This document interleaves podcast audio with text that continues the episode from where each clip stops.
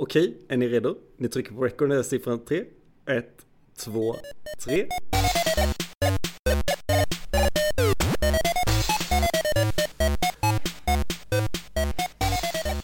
Och då är vi igång! Tredje gången gillt! Det här går bra idag. Hej och välkomna till eh, Snacka Overflow. Jag heter Mattias och sitter här idag med Oskar. Hejsan! Och Andreas. Tjena mors! Idag, som vanligt, så är det någon av oss som är sur. Idag är det Oskar som är sur. Oskar har läst en artikel. Oskar, berätta. Vad har du läst för artikel? Jag har läst en artikel som heter React is the new IBM. Eh, en väldigt vinklad eh, artikel. Eh, ska väl tilläggas, den är sjukt nyanserad av någon som stör sig väldigt mycket på React. Men eh, det finns ändå några sanningar och osanningar i, den som jag tycker hade varit roligt att spekulera i. Eh, och ja, titeln avslöjar väl sig själv att React är nya IBM, att det har blivit en stor eh, entitet som Eh, folk riskerar att ta för att det är ett säkert kort. Lite som du sa innan Mattias, ingen har blivit av med jobbet för att de har rekommenderat React. Nej, eh, men jag tycker det är ganska talande för där React befinner sig nu. Det, det är standardvalet. Ja. Men, men vad, vad, säger artikeln då? Liksom, är det något enskilt de, de bärsar på eller är det?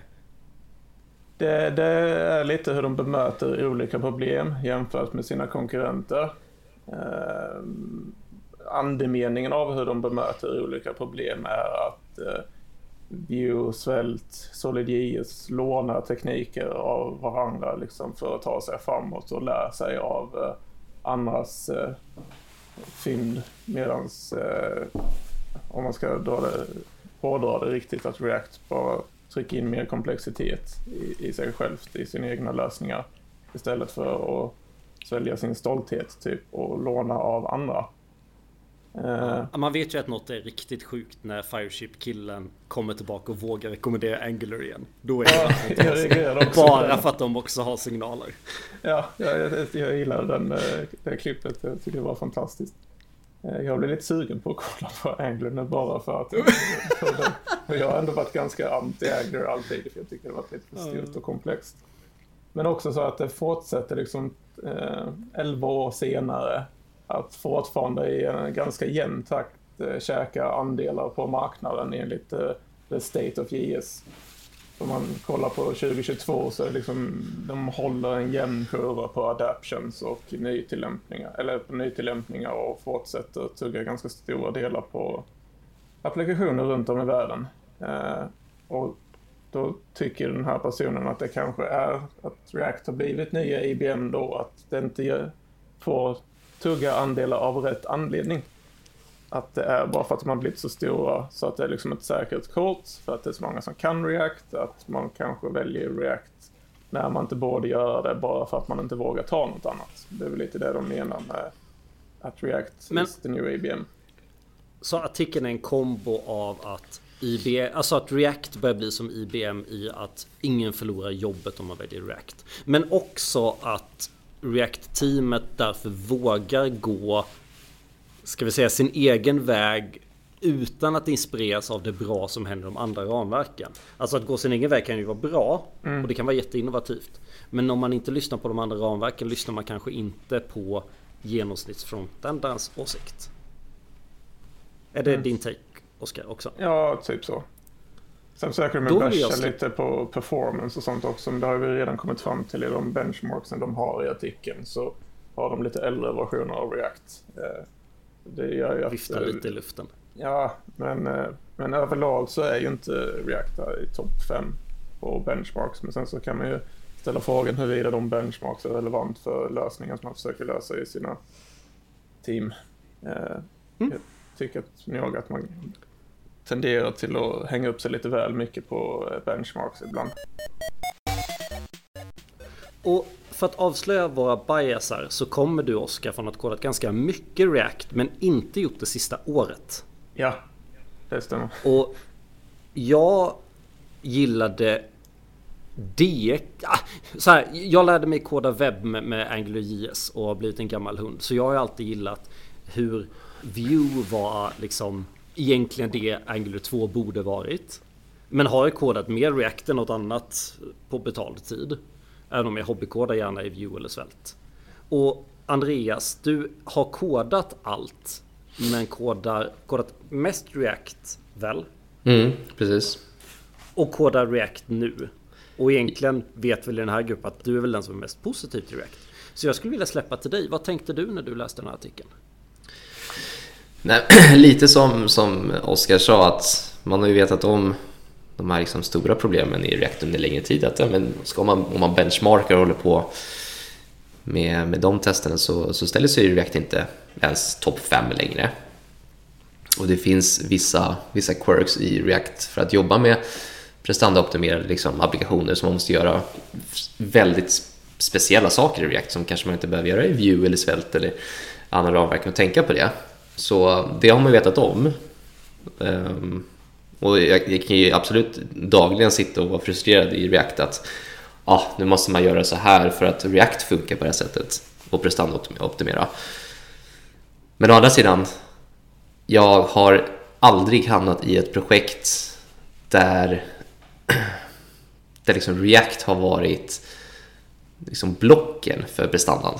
Det har jag ju aldrig liksom stött på. Jag har ju aldrig stött på att ah, vi, vi valde React och prestandan är dålig på grund av ramverket då. Det, har ju, det kommer jag nog aldrig hamna i heller. Jag, för jag, jag tror inte jag, jag har, jag kommer aldrig sitta i sådana projekt där den, den prestanda-boosten behöver finnas. Och då menar du framförallt på liksom jag klickar på en knapp och något ska renderas om prestanda? Ja, ja exakt. Inte, exakt. inte så mycket bundle size och lite sådär som Är väl lite sämre fortfarande bundle size. Ja, och det, Generellt. exakt. Ehm, och det kan väl ärligt talat säga, när jag, i föregående projekt där vi skulle välja ramverk, då, då valde vi faktiskt bort React på grund av bundle size, för då hade vi det kravet. Men just klicka, klicka och rendera saker på en skärm, det har jag aldrig valt bort React för, eh, på grund av prestanda-problematiken som, som React har. Vad tänker ni på för faktorer när ni väljer ramverk då? Om vi ska, om vi ska tycka att React börjar bli lite dött så måste vi fundera på vilka faktorer som är viktiga för oss när vi väljer ramverk. Ja, men mycket, såklart, såklart man tänker på ändå, man måste ju ändå säga att man tänker på prestanda, man tänker på bundle size. Det, det är ändå ja. liksom topp fem anledningar som man, man går in och kollar med benchmarksen, det gör man ju. Sen vet jag inte mm. hur mycket det faktiskt är liksom valid alltså anledningar till, till att man väljer ett ramverk eller ett komponentbibliotek på det sättet. Men jag brukar gå väldigt mycket på utvecklarupplevelsen och eh, DX. Dels, ja, exakt. DX. Hur, hur DX. trevligt är det att sitta i, i, i ramverket? Eh, hur ser communityt bakom ut? Hur mycket liksom, bra dokumentation finns det? Hur ser kompetensen ut i teamet? Den, den sista anledningen där, hur kompetensen ser ut i teamet, det tycker jag jag menar, sitter man med i ett team där alla liksom har, bara som ett exempel, 10 år plus fronten-erfarenhet, då spelar ju egentligen inte ramverken någon roll egentligen. Men Fast sitter... där håller jag inte riktigt med. Nej, nej. Och eh. det beror ju såklart helt på vilken typ av app man ska göra. Mm.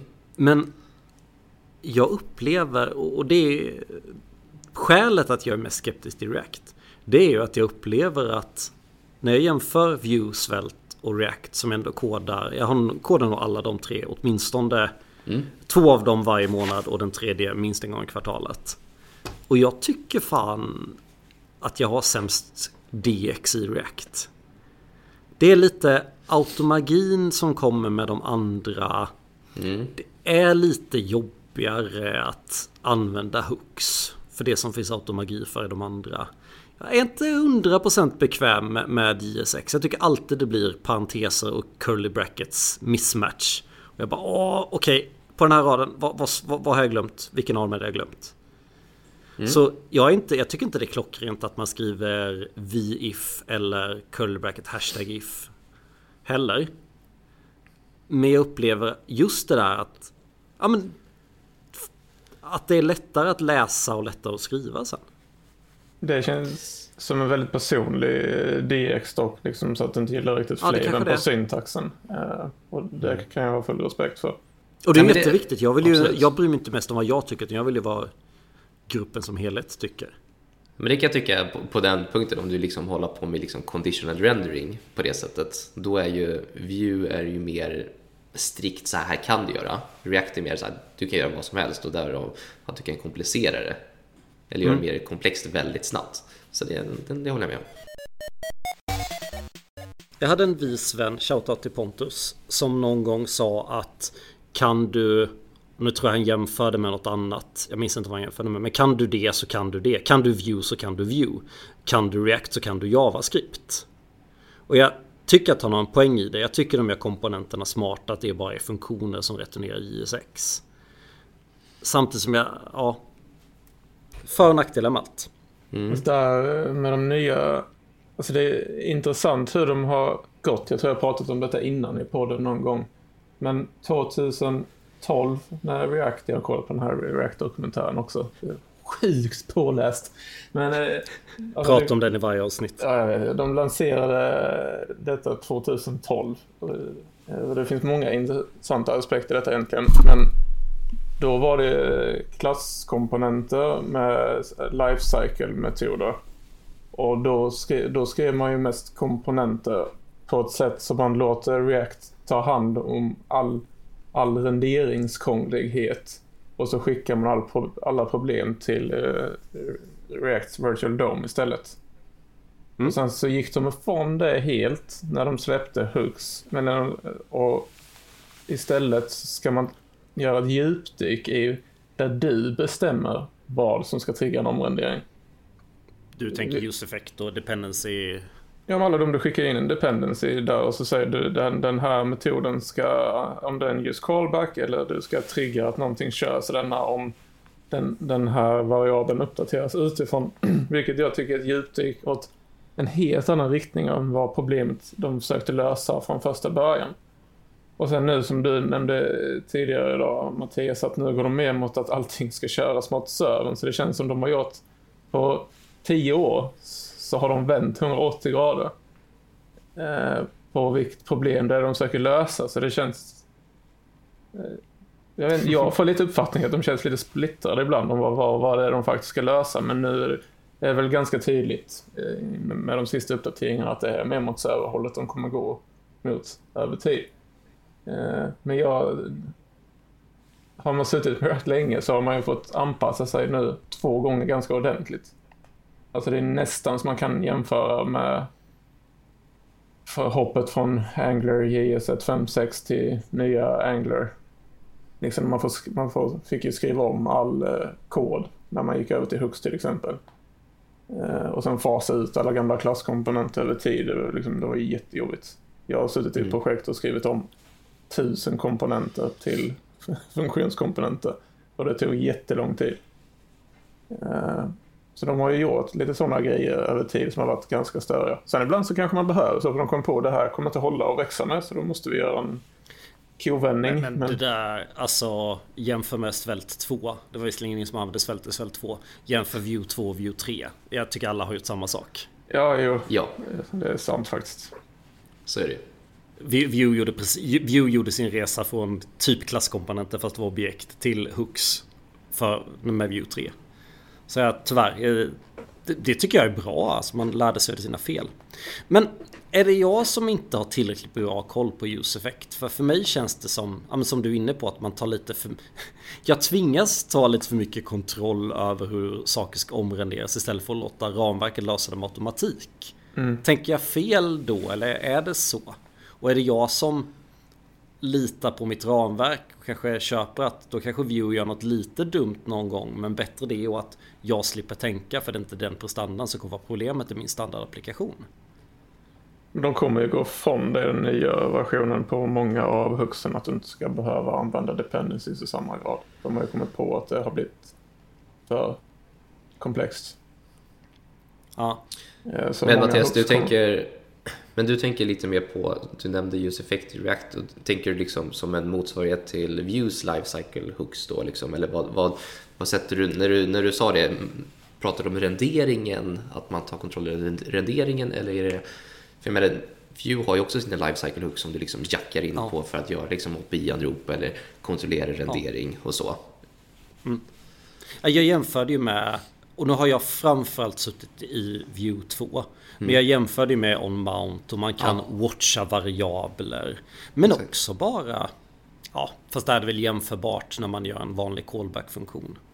Så det är väl mer jämförbart. Men jag, jag tänker nog framförallt när någonting händer ska något annat hända. Där upplever jag att jag behöver tänka mindre. Och, och därför så spelar det kanske mindre, jag upplever att jag behöver tänka mindre i viewsvält. Eh, och därför så tenderar jag att välja de två om jag ska göra applikationer. Händer det här ska också det här hända. Medan ska jag göra en mer hyfsat statisk sida så kanske jag lite mer vänd, lutar mig mot React. Framförallt med server-side rendering. Mm. Där React, på tal om hooks och dependencies, har ju ett litet antipattern överlag med eh, sina dependencies. Att det är alldeles för enkelt att skapa rekursivitet. Alltså ja. oändliga loopar. Det är, jag vet inte, speciellt i början när man eh, precis börjar med hooks, när man skriver om från det gamla sättet att skriva. Jag hamnade hela tiden i oändliga loopar som bara gjorde att eh, tabben i min webbläsare hängde sig. Eh, vilket är riktigt störigt. Det är alldeles för enkelt att hamna i de tillstånden jämfört med andra ramverk. Just på... Jag var där för två månader sedan. Ja, det är Jag skitstörigt. minns inte exakt vad det var jag gjorde. Var, jag gjorde en snabbsök. Så jag hade en sök, ett sökfält. Liksom du skrev tecken i och så skulle jag debouncea det. Och så om under vissa conditions skulle jag cancella det gamla backanropet och sådär. Så det inte flimrade med fel data. Eh, Jag landade i att jag behövde använda en ref istället för en state för någonting. Jag minns inte exakt vad det var. För, ja. Jag, jag minns tyvärr inte exakt. Men, men det var krångligt. Och jag tänkte det hade de andra ramverken mer gjort med automagi. Men det var ett edge case i det vi gör. Så jag tror inte det är helt fel att mitt uppdrag har React. Eller jag tror snarare att det är rätt val. Vad lägger ni andra för, då för, om ni, ni kommer in i ett, i ett projekt då? Vad, vi, vi pratade lite om, om DX, att det är, det är viktigt för mig i alla fall att, att välja när man, när man väljer ramverk. Men vad brukar ni gå på och göra för, för research när ni ska välja ett ramverk? Eh, ja, först... Jag tycker jag, om man bara sitter så här och spekulerar så tycker jag man ska dela upp det i två, eh, två eh, läger. Det, först så rent tekniskt så kollar man objektivt och försöker lista ut liksom vilket som är det smartaste för att lösa problemet. Eh, rent tekniskt. Researcha lite. Ja, men Läsa researcha, lite bloggar. läsa, jag läser lite bloggar liksom och, eh, och sen Lyssna så på kom- Snack Overflow. och, ja, och sen, men sen, men vad är, så här, ska man serverrendera, bla bla bla, liksom så här, vilka olika alternativ och hur ser, hur ser våra förutsättningar utanför frontenden ut, kompabilitet, bla bla bla. Och så kan man ändå ha en ganska klar bild, liksom, ja, men jag vill använda Svelte View eller React. Men sen så får man ju börja kolla på det som jag- tycker är lite det andra läget, hur ser teamkompetensen ut? Och sen kanske den viktigaste, det där där det här React the new VM lite kom in lite. För en del i eh, att välja ett ramverk om man gör, ska göra en ny implementation är ju att slutet av frontenramverk blir något, kan bli något politiskt, ska inte säga är, men eh, kan vara politiskt. Politiskt som i att vi vill välja React så att vi enkelt ska kunna hitta fler utvecklare. Ja. Det- Jag skulle det säga är- det religiöst är- också. Ja, men det är ty tyvärr så. Jag har jag ifrågasatte nå- någon gång en gammal kollega när de satte igång så valde de eh, Vue och så sitter de här nere i Malmö. Så sa jag, det finns ju inte lika mycket människor här i Malmö som sitter med Vue. Tror du inte det kommer bli svårt för er att hitta folk Fast där tycker jag också... velociteten? Där tycker jag också att, att våra, våra kunder, nu är vi ju ett konsultbolag, att våra kunder har, ett stort, en stor problematik i det. För jag menar, de, de söker ju, ja, vi söker React-utvecklare eller vi söker Vue-utvecklare. Jag menar, vi vet ju att om man suttit i React eller Vue så klarar man ju jättebra att sitta i ett annat ramverk. Ja. Då spär man ju bara på den liksom, problematiken att det är JavaScript-utvecklare ni söker. Det är väl skitsamma, ärligt talat, om ni, om ni kör React eller Vue. Rent krasst. Speciellt jag men menar- absolut. jag menar, vi som är VG, vi, vi är ju specialister och vi, vi, vi liksom har många år på nacken och då liksom att, att bli nekad kan jag tycka lite ärligt talat, att bli nekad ett uppdrag. För att, ja, men jag ser inte att du har view här, men du har, ja, du har tio år React. Liksom, kom igen, du, du lär dig syntaxen på en vecka i view. Misslyckas när man fyller i den här matrisen som de stora Ja. bolagen skickar ut. Har du suttit med React i 10 plus år? Nej. Ja, ja.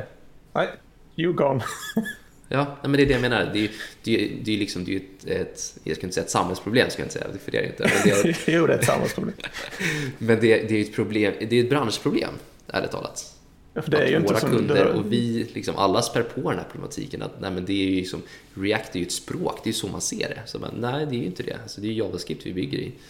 det är ju inte som Ja, ja, Java. C-sharp. Alltså, det, det Ja. är inte för det liksom sitter, Nej. sitter i lite. Liksom så här, har du suttit med Python, Java eller C-sharp? Det är inte samma typ av... eh, men även där när det kommer till backend så tycker jag det är, jag har jobbat med jättemycket utvecklare som har suttit i alla de eh, Ja, språken liksom och ändå liksom, har man jobbat tillräckligt länge så löser man det. det. Ibland så är det lite för stor tröskel upplever jag. Att man inbillar sig att det är en, är en tröskel när det inte är det. Det är liksom Ja. bara du behöver en eller två extra månader på dig att komma igång bara men sen så reder du ut eftersom att du har erfarenhet. Men då skulle jag vilja lägga till en sak. Jag upplever, eftersom att jag är ganska ramverksagnostisk, så upplever jag ofta när jag kommer till uppdrag att jag behöver stöttning av mina kollegor. Är det vettigt att använda just memo på den här till exempel? Mm. Och sen är mina två duktiga kollegor inte överens om man ska använda just memo. För den ena tycker man nästan aldrig och den andra tycker att man nästan alltid ska använda det. Så, så, så det vi kan, men, men jag har ingen åsikt. Däremot har jag ganska mycket åsikter om, liksom, som har sett olika typer av projekt överhuvudtaget. Ja, men vad borde vara en återanvändbar komponent? Den, Där är jag ju fortfarande supersenior.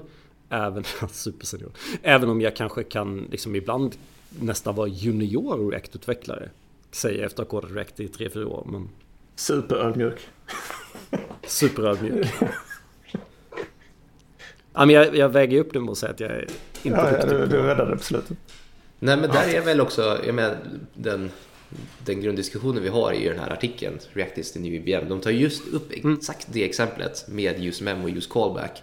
Att det är en sån där sak som, som React är väldigt quirky på. Att, att, som du säger Mattias, att jag kan komma in som en supersenior-utvecklare men just use memo och use callback, ska jag använda ska jag inte använda det? I vissa projekt så finns det överallt, så får man slita ut det. I vissa projekt så finns det inte alls, så man måste lägga på det där det behövs. Där tycker jag att... att Och vet du vad? Ja, Där tvingar React mig att tänka på någonting som jag Ja. inte vill tänka på. exakt. Och det håller jag med om. Det, det, har ju, det är ju den där problematiken i React med just prestandaoptimering, att prestandan är lite sämre och därför måste man ta hänsyn till prestandaoptimeringen själv. Och den blir väldigt, jag håller med, jag, ibland kan jag åt, eller överanvända just mem och just callback för att så här, jag vet inte, det, det ser bra ut och jag, jag lägger in det här. Och i vissa fall så, så här, nej, här ska det nog inte vara. Och här är det såklart att det ska vara. Tröskeln där är ju ganska låg i React att komma igång. Ja. Men på mitt nuvarande uppdrag så i ett av projekten jag sitter så har, har det gått ganska snabbt. Man har skrivit mycket features och sen så nu kom man till ett läge där man hamnade i dependency hell i Ja. en tabell. Där när man kör den här highlights eh, i, där man eh, highlightar omrenderingar så på element i webbläsaren. Ah, ja. Eh, Alltså du klickar i React DevTools så att den ska ge Ja. dig en file-indikator. Ja, yes. Ja, tack för att du fyllde i för att lyssna. Eh, ja, jag, men jag förstod knappt själv. Nej, men om man klickar i den så liksom hela, hela webbläsaren blev typ röd. För att man hade antingen använt för lite memorization eller för mycket memorization och på Ja. fel ställen. Liksom. Man har skrivit det så det, det alla projekt ham- ofta när man skriver React hamnar förr eller senare att man måste göra en liten intervention på hur, hur man distribuerar datan i sina komponenter. Eh, och det, är den, det är väldigt enkelt att komma igång med React. Men på sex månader så är det också väldigt enkelt att måla in sig i ett hörn. Eh, om man inte håller tungan rätt i mun när man eh, använder memorization eller inte använder det. Och i detta fallet så här blev det väldigt krångligt att ta sig ut och det kommer ta lång tid för oss. Och det blev en stor, det blev en legacy-klump som vi kommer behöva tänka ut en bättre strategi för att fasa ut över tid. Eh, och den tycker jag känns enklare att hamna i en React än till exempel Vue när jag suttit med det. Där det känns, jag kan inte riktigt sätta fingern på det, men jag har liksom inte hamnat i samma tillstånd när jag skrivit Vue. Eh, någonsin. Men om de här istället hade varit riktigt duktiga, hade de varit smartare än Views automagi om de hade gjort rätt i React? Hade de fått bättre prestanda? Nej, och, de som har skrivit det betvivlar inte deras kompetens. Andra frågan. Men, okay. Nej, de, de, har, det, de har liksom varit duktiga. Liksom, det är bara att ja, de hamnade i det här tillståndet liksom som ja. fair mistake bara. Mm. Alltså, jag hade också hamnat i det tror jag när man skulle skriva features i den eh, velociteten som de har gjort. Eh, mm. Att man inte riktigt har tid till att uh, skriva uh, kanske på ett mer korrekt sätt. Mm. Och det blir, alltså, så, så blir det liksom du tror en dependent, varit... dependency i en use memo eller en use effect som är liksom på 20 olika dependencies liksom. Och mm. Man hamnar i tillstånd av fuck. Jag lägger bara till en till. Ja, men det blir lite så. Ja. Bara. Så, men är, är, din conclusion att hade man gjort det, hade man haft tid på sig att göra det rätt så hade det React varit smartare än Vue? För Vue sa att magi inte är lika smart, eller svält för den delen. Eller Solid. Conclusion är att det är lätt att komma igång med React, men det är svårare mm. över tid att förstå implikationerna av performance. Mm. Alltså att det, man hamnar lätt i anti-patterns. Både med rekursivitet och uh, när saker omrenderar. Om man inte lite om man inte skriver tillräckligt datadrivet alltid utan löser problemet där featuren uppkommer. Om man inte liksom, tänker tillräckligt långt bak så kan React bli ganska jobbigt. Så det, jag skulle, man måste skriva, eller måste måste man inte, men jag försöker skriva React-komponenter så datadrivna det bara går. Alltså så att de är så tröga som möjligt för att man ska kunna styra längre upp. Eh. Alltså vissa Vissa är bara rendering och andra är bara logik, är det du ja. menar? Och sen, sen när, jag, när jag skriver motsvarande grejer i svält, där känns det som att man inte bry sig om någonting. Svält bara löser det liksom. Att det, mm. Svält är så ja. sjukt lösningsorienterat och uh, det presterar fortfarande bra. Svält har också sina egenheter men uh, det känns inte... Jag har hittills inte stött på det problemet med svält. Och jag, jag kan inte riktigt sätta fingret på det när jag sitter och börjar spekulera i det här men det finns ändå någonting i det. För jag har stött på det, jag har hamnat där jättemånga gånger med React. Får jag hoppa tillbaka till frågan hur vi väljer ramverk? För då vill bara Oskar som svarade. Jag vill ha, för jag vill ha Andreas svar också. Men jag tänkte mm. börja. för, för mig är det ju jätte, alltså det beror jättemycket på vad det är ni ska göra. Eh, så jag skulle säga såklart man ska researcha, man ska ta reda på vad man har, som Oskar sa, vad man har för krav på sig. Ska det vara superprestanda i uppstart eller när man kör? Eller ska den, kommer den kommer vara på sidan fem minuter eller åtta timmar om dagen? Hur, hur beter man sig i applikationen? Mm. Och där finns ju lite hårda fakta liksom. Men sen så skulle jag också, ja men som alltid med allt sånt här, försök landa i, är det ramverk här man ska nöja sig med två? Kanske tre om man har tid. Och bara prova skriva liksom sina vanliga features på riktigt. Inte sitta i någon låtsaslåda vid sidan om utan göra det som om man skulle gjort det. Och gärna liksom kanske halva teamet gör den ena och halva teamet gör den andra och sen reviewar man varandras. Så hade jag nog gått tillväga. Mm. Sen har jag behövt ta auktoritära beslut tyvärr för att jag var först in och det fanns inga andra. Eh, och fattat ramverksbeslut. Och då har jag ju gått på faktorer som att Ja, det, det, spelar, det, det beror ju på vilket fall man har. Så, så, men då ska man ju verkligen gissa vad genomsnittsutvecklaren kan, vill ha, gör och vad applikationen ska göra. Du är inne på en bra poäng där Mattias, att liksom prova bygg riktiga features i, i någonting och se vad som, vad som funkar och inte bara kanske liksom göra en, jag vet inte, säg en to-do-komponent liksom, som alla, alla JavaScript-bibliotek förut i alla fall gav ja. exempel på. Ja, fortfarande. Eh, ja, fortfarande. Men liksom, prova, prova, prova bygg något som faktiskt, som, som jag menar, när vi, när vi bygger saker i vår applikation då bygger man ju förmodligen på ett sånt sätt som applikationer är byggd på. Mm. Då, då är det jättebra eh, liksom, tillfälle att ja, men, dra in ett ramverk och prova att bygga en, en feature som applikationen ser ut för att kunna avväga så här, är det bra, är det dåligt? Eh, tycker jag i alla fall. Sen, Och vet ni men- en sak som passar jättebra då? Nu måste ta sidospåret. Där passar ju microfrontends jättebra. Ja. För då kan du ju faktiskt liksom köra den också. Då kanske Absolut. ni har en microfronten som kör fel ramverk och det kommer ni leva med tills ni orkar fakturera om den till det ni valde sen.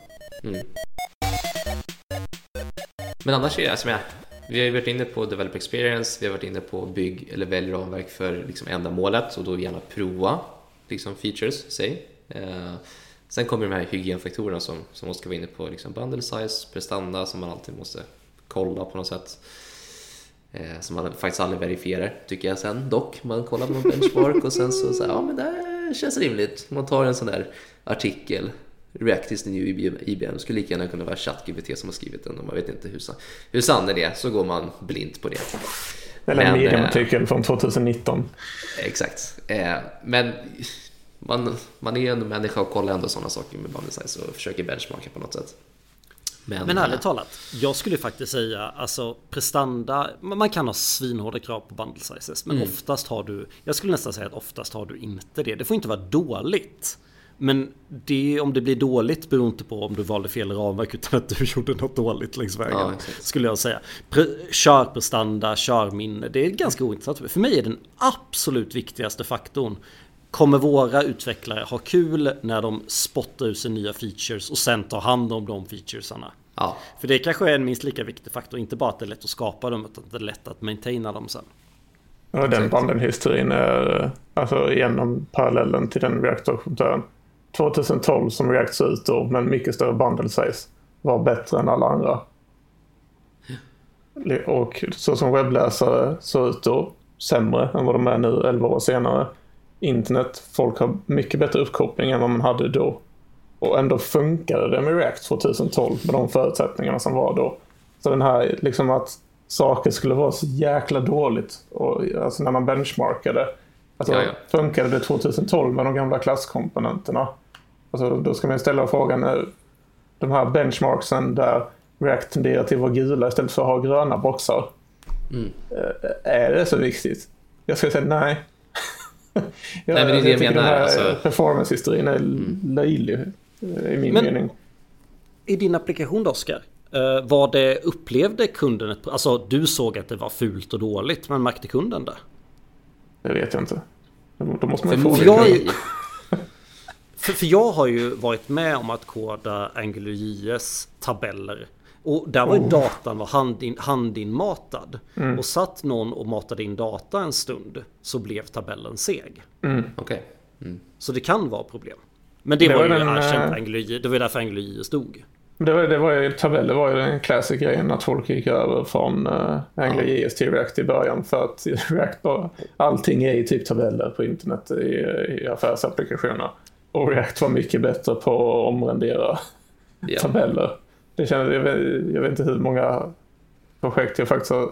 Alltså det är faktiskt väldigt många gånger folk som har suttit i Angular som bara Nej, men vi, vi skriver om den här vyn i React för att React är bättre på att rendera tabeller.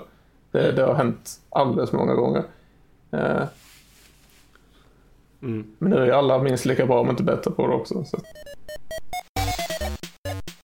Tillbaka till det vi pratade. Någon av er nämnde... Alltså eko, ja, men det var Andreas som nämnde ekosystemet och de runt omkring.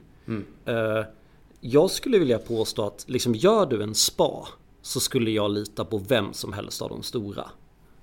Instämmer. Däremot så gör jag det inte när man börjar prata om liksom server-side rendering och framförallt om du ska börja SSG och sådär.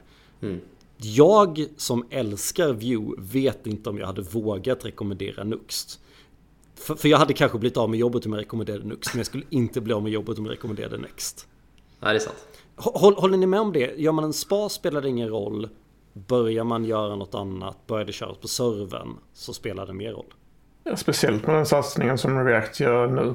Alltså att de har tagit bort Create React App och skapat Create Next App istället. Och Skulle du våga rekommendera SvelteKit, Oskar?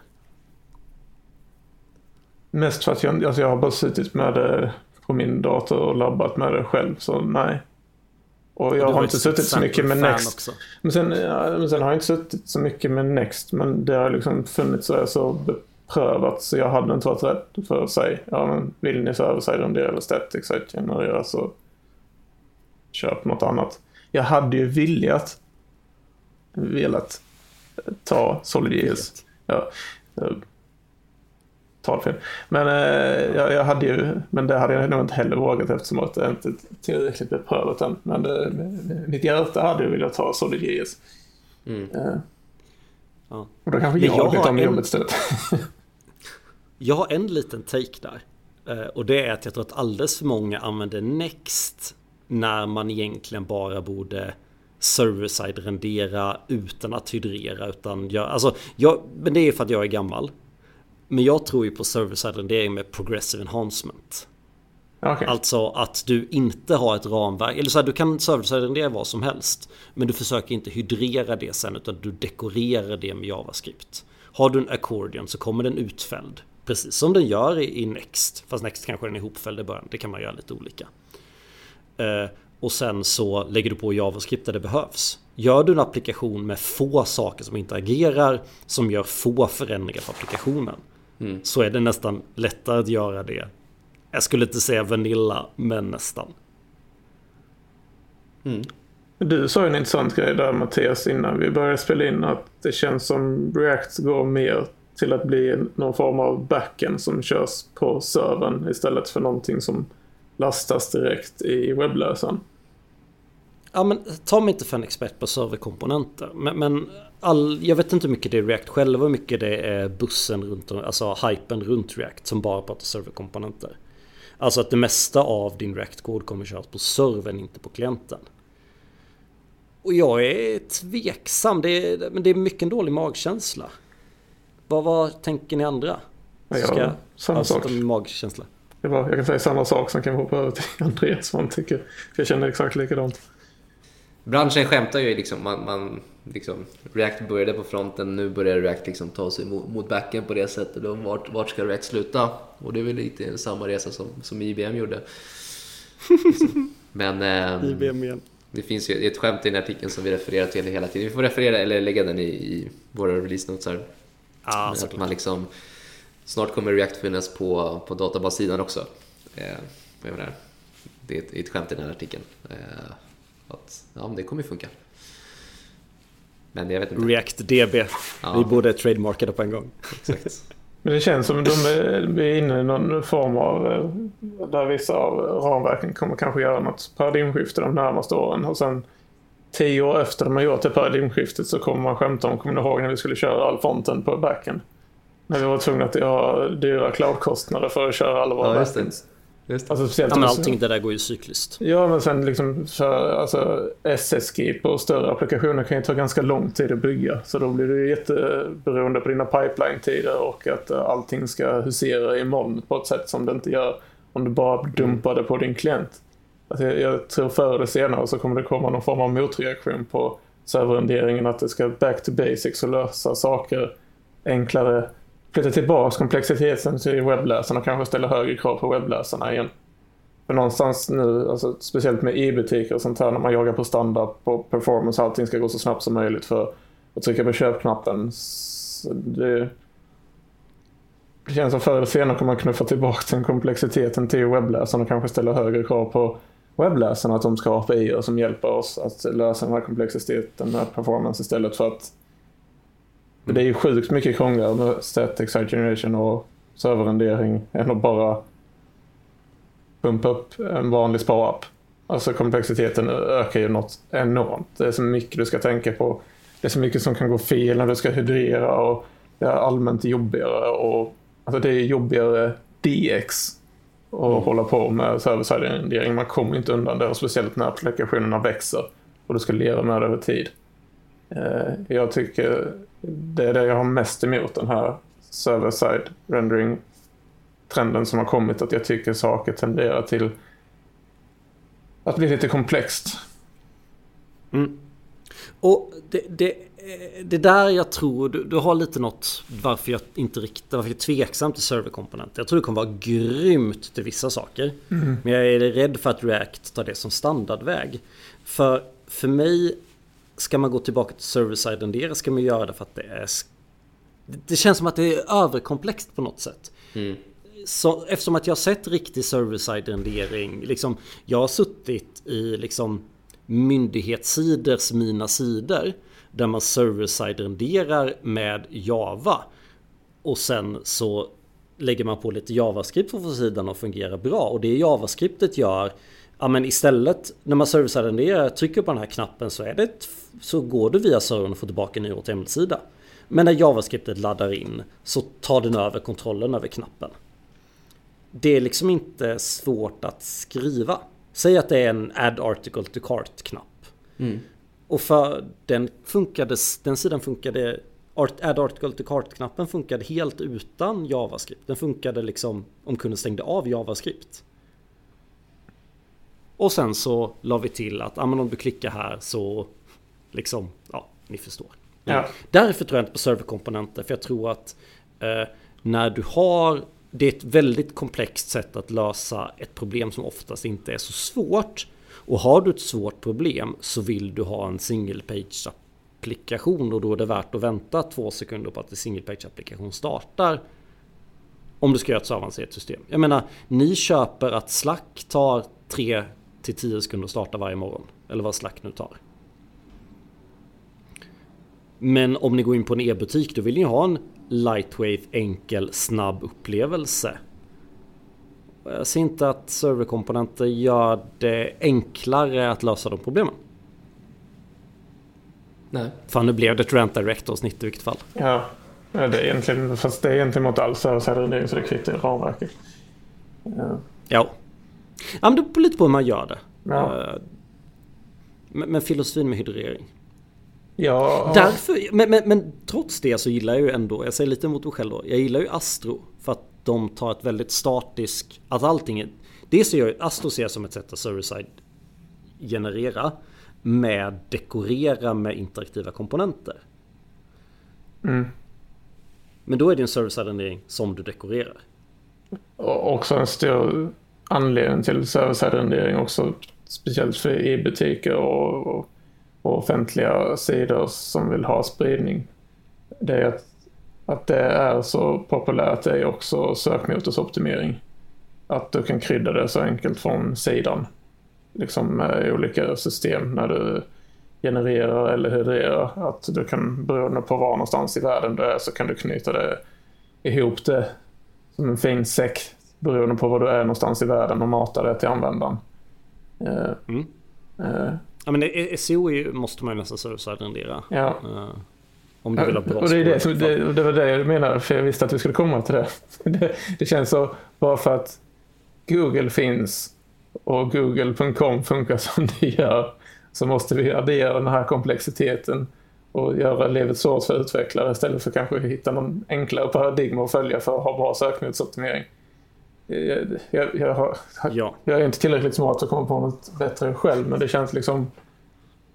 Usch vad komplext det blev för att vi ska få bra sökresultat. Eh, Och det beror väl på att många av de sidorna som vill ha bra SEO, bra Google-poäng, ja. är inte så jäkla interaktiva. Det, är- det är liksom... Om du vill ha... Jag, jag påstår att det finns få sidor som har mycket interaktion och vill ha bra SEO. Det kan ju vara helt fel, men men så, så tror jag att det är. Och därför så tror jag inte på serverkomponenter.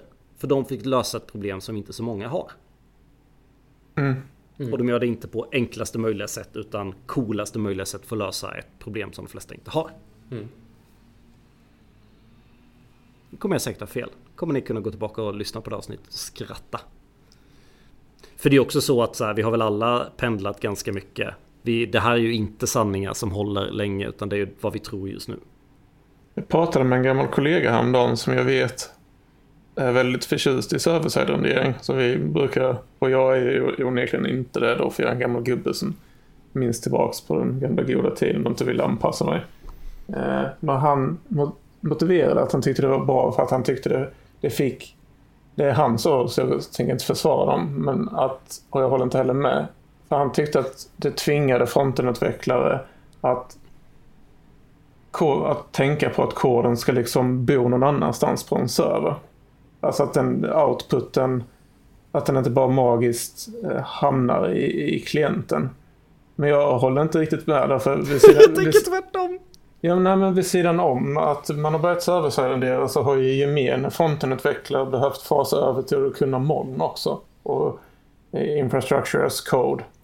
Och så liksom jag skriver ju lika mycket, ja, nu talar jag bara för mig själv, men jag skriver ju lika mycket C-serie som jag skriver frontend-kod.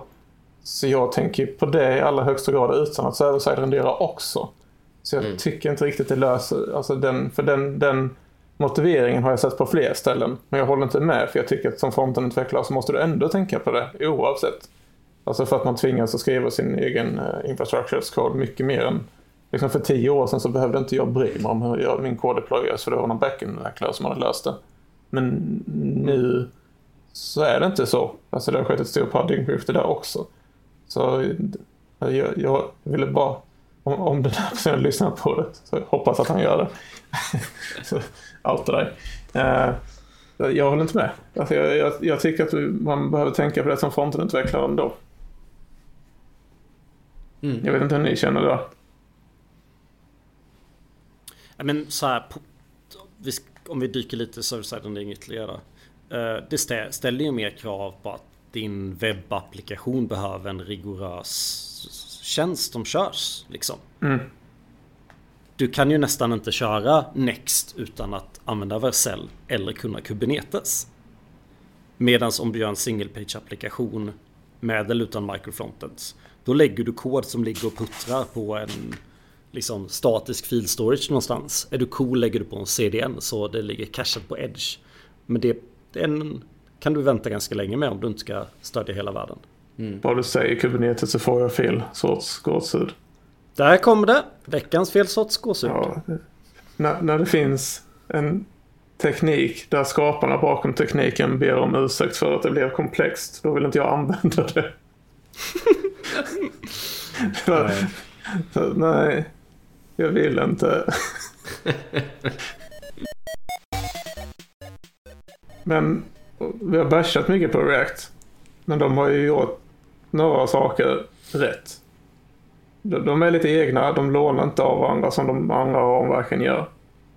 Eh, som Vue som snor lite saker från SolidJS och eh, så här, View som är det Angular JS2 borde varit. Ja, men eh, medan React kör lite mer på sitt eget. Men de har gjort en fantastisk... Jag tänker, nu, har, jag bashat så mycket så nu måste jag försvara React också. Dokumentationen har blivit mycket bättre. De har skrotat Create React App och kör på Create Next App. Jag har provat att köra det. De bara inte rekommenderade längre. Det finns kvar. Ja, impl- implicit säger de fuck off till Create React App.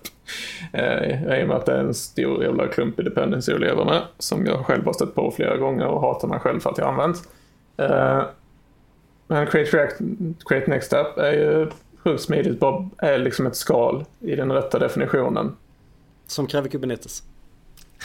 Nej. Eller Vercel. Du kan, köra, du kan göra en sparapplikation av det också. Du, du, alltså Next funkar ju ganska bra som en uh, utvecklingsserver lokalt också. Eh, och sen så har de ju Ja, också... du menar att man in, men då kan du inte nyttja server-side renderingen i Next alls. Nej.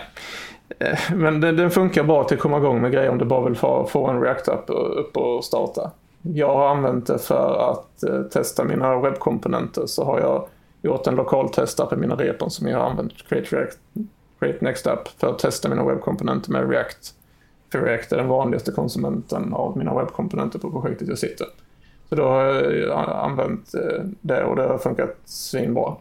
Eh, går snabbt, man behöver inte tänka så mycket. Jag bara skapar min lilla testapplikation som konsumerar min webbkomponent. Funkar jättebra. Och sen den sista grejen också som de har gjort bra, som de, det är både bra och dåligt, men de är ju sist ut. Eh, I deras experimental builds så eh, när de testar så har React bättre stöd för webbkomponenter. Om något sent så... Bättre än tidigare. Ja, eh, det, fin- de andra. det finns en sida som heter Web Components Everywhere. Eh, som kan vara värt att kolla på om man ska jobba med webbkomponenter och vill eh, använda något av de populära ramverken. Eh, där faktiskt Re- Reacts senaste experimental build har 100% i täckning för deras tester. Mhm. Men den sista major-versionen har ju typ så här Fan, 60 eller det- 70% täckning. Så de, eh, de, även om de är sist ut så är det ju en, ett steg i rätt riktning i alla fall. Eh, så- Om man gillar webbkomponenter. Ja. Så de, de, eh, ja, de har tagit sig i kragen på vissa saker i alla fall. Men fortfarande lite motsträviga med att eh, låna av andras eh, tekniker. På något dumt stolt sätt känns det nästan som. Men, men det är ju liksom React är aldrig fel. Men jag tycker det börjar närma sig den punkten att React nästan aldrig är det bästa. React är nästan alltid näst bäst. Ur ett tekniskt perspektiv. Mm. Ur DX-perspektivet och det är det enskilt viktigaste för mig. För jag tror inte de andra problemen är de stora problemen. Om du tar väldigt specifika krav. Mm. Ja, ja, jag håller med. Andreas? Ja, men... Uh... Final words. Nej, alltså man kan ju... We kan killed ju... your darling. Exakt, nej men alltså React har ju varit pionjärer liksom. Det är mera Vue och, oh ja. Vue och Next och Angular och Svelte, de hade ju aldrig varit där utan React liksom. Nej, nej. Så det måste man ge React att de, de har ju varit bäst. Ehm, och är fortfarande i många, många fall bättre. Men det är klart att har man varit på tronen så länge så kommer, kommer vissa saker vara mindre bra än de, de nya coola kidsen on the block. Och sen har ju React ändrats så många gånger. Vi är ja. lite inne på det men... Exakt. Det, det känns inte, alltså jag har någon sån här magkänsla att eh, om inte nästa medieversion och kanske inte nästa igen men version då 21 eller vad det blir så kommer det ske något paradigmskifte till. För eh, kraven och vad de försöker lösa har ändrats så mycket. Så det känns som ja. att man kommer behöva köra ett sånt här skript som refaktoriserar hela ens React kodbas igen snart. Så som man gjorde från klasskomponenten när allting blev alla lifecycle-metoder blev prefixade en safe och så var man tvungen till att fasa ut dem över tid. Uh, så det, det, det, känns som de är i startgroparna på någonting där. Bara ren magkänsla. Ja, men det är ju, Inga men belägg. det är ju serverkomponenterna. Ja. Uh, så det, ja, det ska ändå bli intressant att följa faktiskt vad de ska göra. Uh, men mm. ja. Ja, det jag är mest ledsen över det är att efter att ha gått ner varenda år i framförallt i interest i State of JavaScript. Alltså de som vill lära sig respektive de som inte vill lära sig. Att den faktiskt inte gick ner. Jo, den gick fan ner också. Ah, skitsamma. Vi får se. Men eh, då är det dags för det bästa med hela veckan. Veckans tips! Det är synd att lyssnarna inte kan se våra roliga gestikuleringar i webbkameran. Jag har tips. Tipsa mig. Världens bästa mailklient som jag tipsat om sen tidigare heter Spark. Mm. Eh, den har jag tipsat om tidigare men för er som inte lyssnat på det. Den är smart på att identifiera vad som troligtvis är ett mail till dig och vad som troligtvis bara är ett nyhetsbrev. Eh, den är duktig på att pinna saker som man faktiskt kommer ihåg att läsa dem. Vilket täcker de behoven jag behöver i min mailklient. De har nu släppt sin Windows-klient. Ah. Så mitt tips är att börja köra Spark för dina mail. Visst är man betalar en liten summa för den också och sen så är allting supersäkert och krypterat och de delar ingenting till skillnad från Gmail som eh, lusläser alla dina. Jag, jag, be, jag, jag betalar in. Nej men det är fortfarande bara en mailklient. Jag, jag lägger in min, min eh, Avega-mail och min privata mail och mina två andra e-mailkonton som jag har. Måste man få någon så här IMAP och POP3 konfigurera och böka lite innan det funkar? Eller det är ganska seamless? Minns inte haft det ganska länge med alltså... Nej men det är ganska seamless. Okej. Okay. Det kanske är värt att prova en. Jag har mig jag har varit där och vänt. Så jag pallar inte sätta upp allting. Nej. Kanske inte lika mycket på en jobbmail som att den är väldigt bra privat. Mm. Mm. Oskar, vad har du för tips? Uh, jag hittade en feature i ES-bild som har gjort mitt liv mycket enklare. Jag sa, nämnde ju tidigare att jag har uh, använt eh, Create Next eh, app för att skapa testapplikationer lokalt i samma repo som webbkomponenterna bor. Så jag har två mappar. Jag har en local test app och sen så har jag en mapp som heter typ component kan jag säga. Eh, så det är helt, två helt olika byggen. Men jag kan i min jag använder IS-bild för att bygga min komponent. Och då kan jag säga när jag bygger den så finns det någonting som heter IS-bild-serve. Så då sätter jag, när jag startar mitt devscript av min webbkomponent så säger jag till ESPL att serva den mot en, säg port 444. Då kan jag importera outputen av min webbkomponent in i min local test app och lyssna på ändringar på den porten. Så då kan jag trigga en omrendering i min lokala testapp när ESBuild servar en ändring på port 444. Jag sitter och gör ändringar i min komponent och då laddar min lokala testapp om. Och det har gjort mitt liv sjukt mycket enklare när jag sitter och jobbar med webbkomponenter och vill testa dem i, ja, i realtid och i en riktig konsument. Eh, mm. Så det, det tråkiga är att jag gör typ en location reload när den, så den, det, det är liksom ingen hot reload. Men eh, ja, min lokala testapp. En dum reload i vilket fall. Ja, men eh, det har gjort mitt liv så sjukt mycket enklare och riktigt uppskattad feature i ESBuild. Som fortfarande jagar sin första major-version, så det är lite buggigt ibland. Vad fint. Ha Andreas, har du något? Annars har jag en kategori till dig. Jo, men jag, har, jag, har något, ja, men jag har ett tips och det grundar sig i ett problem de senaste veckorna. Jag satt och tänkte på vad jag gjort på, på uppdragen de senaste veckorna. Och egentligen har vi täppt till säkerhetshål i våra frontend-applikationer. För vi har fått oh. liksom... Eh, ja, men vi kör liksom... Vi har paket som har, som har säkerhetshål genom att om man kör en NPM eller gör en audit så, så har vi eh, paket som vi inte har täppt till. Och mm. Vissa paket så behöver man inte täppa till och vissa så, som man aktivt måste täppa till. Och då, då tänkte jag tipsa absolut om att sluta hantera det här manuellt. Liksom, var, inte, var inte reaktiva i säkerhetsarbetet. Eh, utan dra in liksom, någonting som körs i era pipelines som dels kan fixa saker automatiskt men också notifiera er när, när säkerhetshål rapporteras. Och då tänkte jag tipsa om Dependabot. Ja, det var det jag tänkte på. Mm. När du sa det. Eh, som man kan köra sin pipeline för att då få notiser och, och dels vissa åtgärder själva för sina NPM-paket och docker, images och sådär. Så var aldrig reaktiv i, i säkerhetsarbetet utan var proaktiv. Och hur funkar det? Är det ett plugin till GitHub eller? Mm, det går att köra precis som med pipeline så kan man ställa in det eh, som ett steg då. Att, eh, det som man ska kolla, så här, kolla NPM-paketen, kolla docker-imagerna eller kolla Eh, jag tror att det till och med funkar på, jo det ska funka på backhand-sidan oavsett. Om är det bara GitHub eller? Eh, jag vet jag inte alls hur det funkar. Ja, det går ju att köra Azure DevOps men det är ju för att det är Microsoft som äger. Ah, jo, jo. Eh, sen, jo, ja, jag vill inte svara. Det blir en killgissning att det fungerar överallt. De eh, kör det ganska ordentligt på uppdraget jag sitter nu. Så det det är som en default-setting när du skapar ett nytt repo.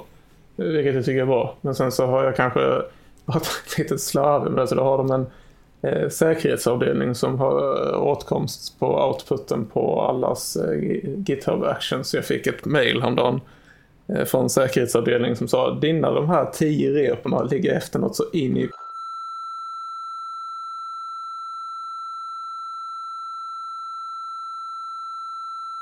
på alla sina dependencies. Vänligen uppdatera dem. Ja. Snälla. Så ja, ja. Så nu när jag kanske nere på fem av tio har jag uppdaterat. ja, det är... Toppen!